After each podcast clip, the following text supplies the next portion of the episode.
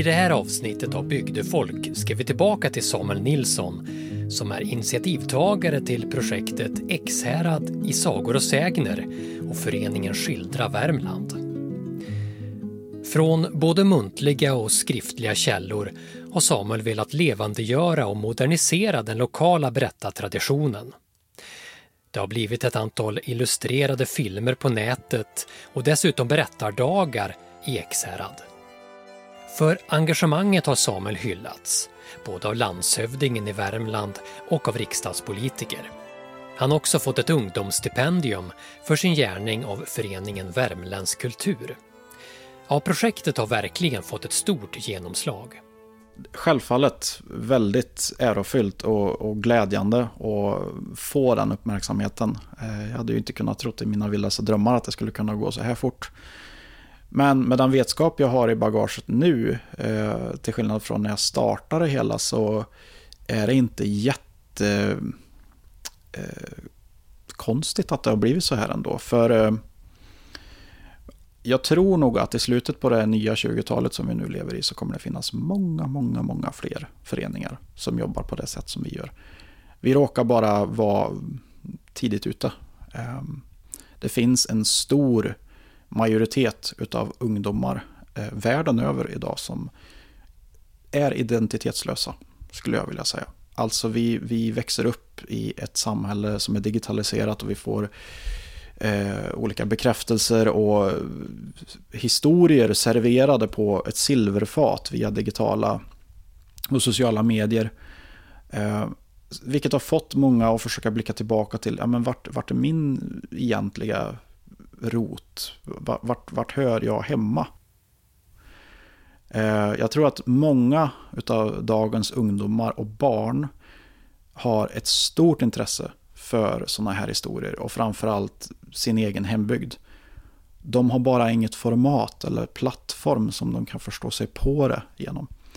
Och, det är där vi i Skildra kommer in i bilden. Vi vill ju försöka bygga de här plattformarna Ehm, digitala liksom fysiska som ska försöka få eh, framförallt den yngre generationen att få upp ögonen för sin egna hembygd.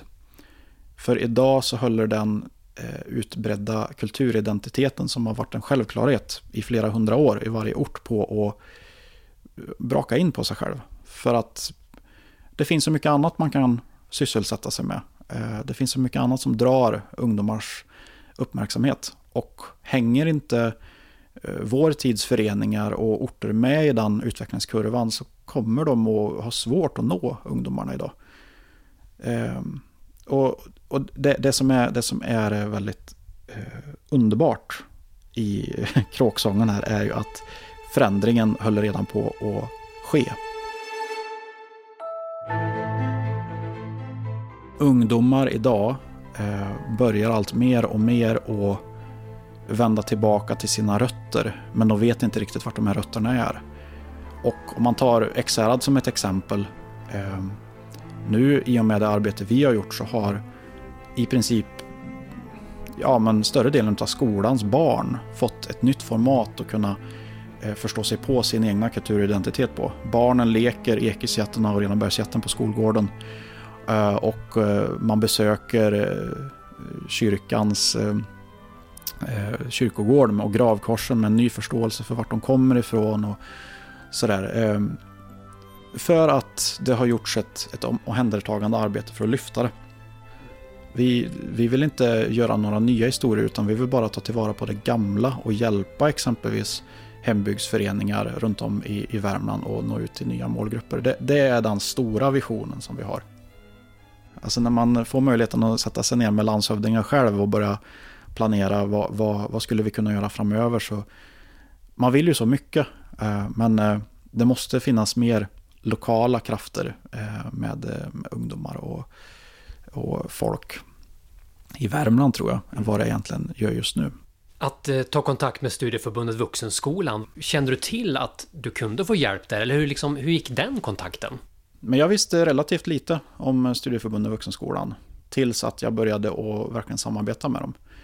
Och eh, vilken eh, otrolig hjälp de har bidragit med eh, i det här. På vilket sätt? Ja, framförallt att hjälpa mig att få den här idén att bli, gå från vision till verklighet. Men också hur man ska förhålla sig till en budget. Där har Anders Heimer, ekonom på studieförbundet, varit en otrolig hjälp. Eh, ja, men vuxenskolan har alltid funnits i bakgrunden som en, en support. Eh, någon man kan vända sig till och alltid lita på. Har... Men om fem år då? Vad, vad, om du blickar framåt, vad, vad är hela det här arbetet om fem år? Vad ser du? I den bästa av världar så hoppas jag att eh, föreningen Skildra och företaget Skildra Sverige eh, i samverkan med eh, exempelvis Vuxenskolan ska kunna finnas som en, en hjälpande hand i samtliga utav Värmlands kommuner. Och eh, vi ska kunna stå till, eh, ja, men till förfogande med att försöka lyfta kulturidentiteterna genom digitala eh, utvecklingsprojekt. Det finns otroliga möjligheter. Rent konkret så vill vi skapa en, eh, en närvaro på YouTube. Vi vill eh, komma in i VR-industrin och vi vill också jobba med spel. Eh, jag skulle jättegärna vilja vara med i ett, eh, ett sammanhang där eh, vi kan hjälpa nutidens och morgondagens barn och unga och sitta och, och leka runt på sin iPad med en, en, ett spel som jobbar med nutida storytelling fast med dåtiden i, i backspegeln. Eller VR Eh, koncept där du kan få vandra runt och uppleva historierna. Det, det vore häftigt med ett företag som kan försöka att återskapa hembygderna så som de såg ut då med starka narrativ och historier som leder vägen så att du faktiskt när du sätter på dig VR-headsetet kan få vara med om historieberättandet på riktigt som om du vore där. Det är väl egentligen det, det, det jag själv brinner för mest, den, den digitala delen samtidigt som det jag har fått ut mest utav de här åren och det jag är mest stolt över hittills, det är att jag har haft förmånen att sitta ner och fika och få lyssna eh, så mycket på de här gamla berättarna. Eh, framförallt så har jag otroligt mycket att tacka för ifrån eh, den prominente och ja, men jag, jag kallar honom för sagoprästen Gunnar Lindberg. Han är 93 år idag. Eh, och jag har haft förmånen att få sitta och prata med honom i många, många, många timtal, han och Ulla. Eh, och fått lära mig så mycket utav dem.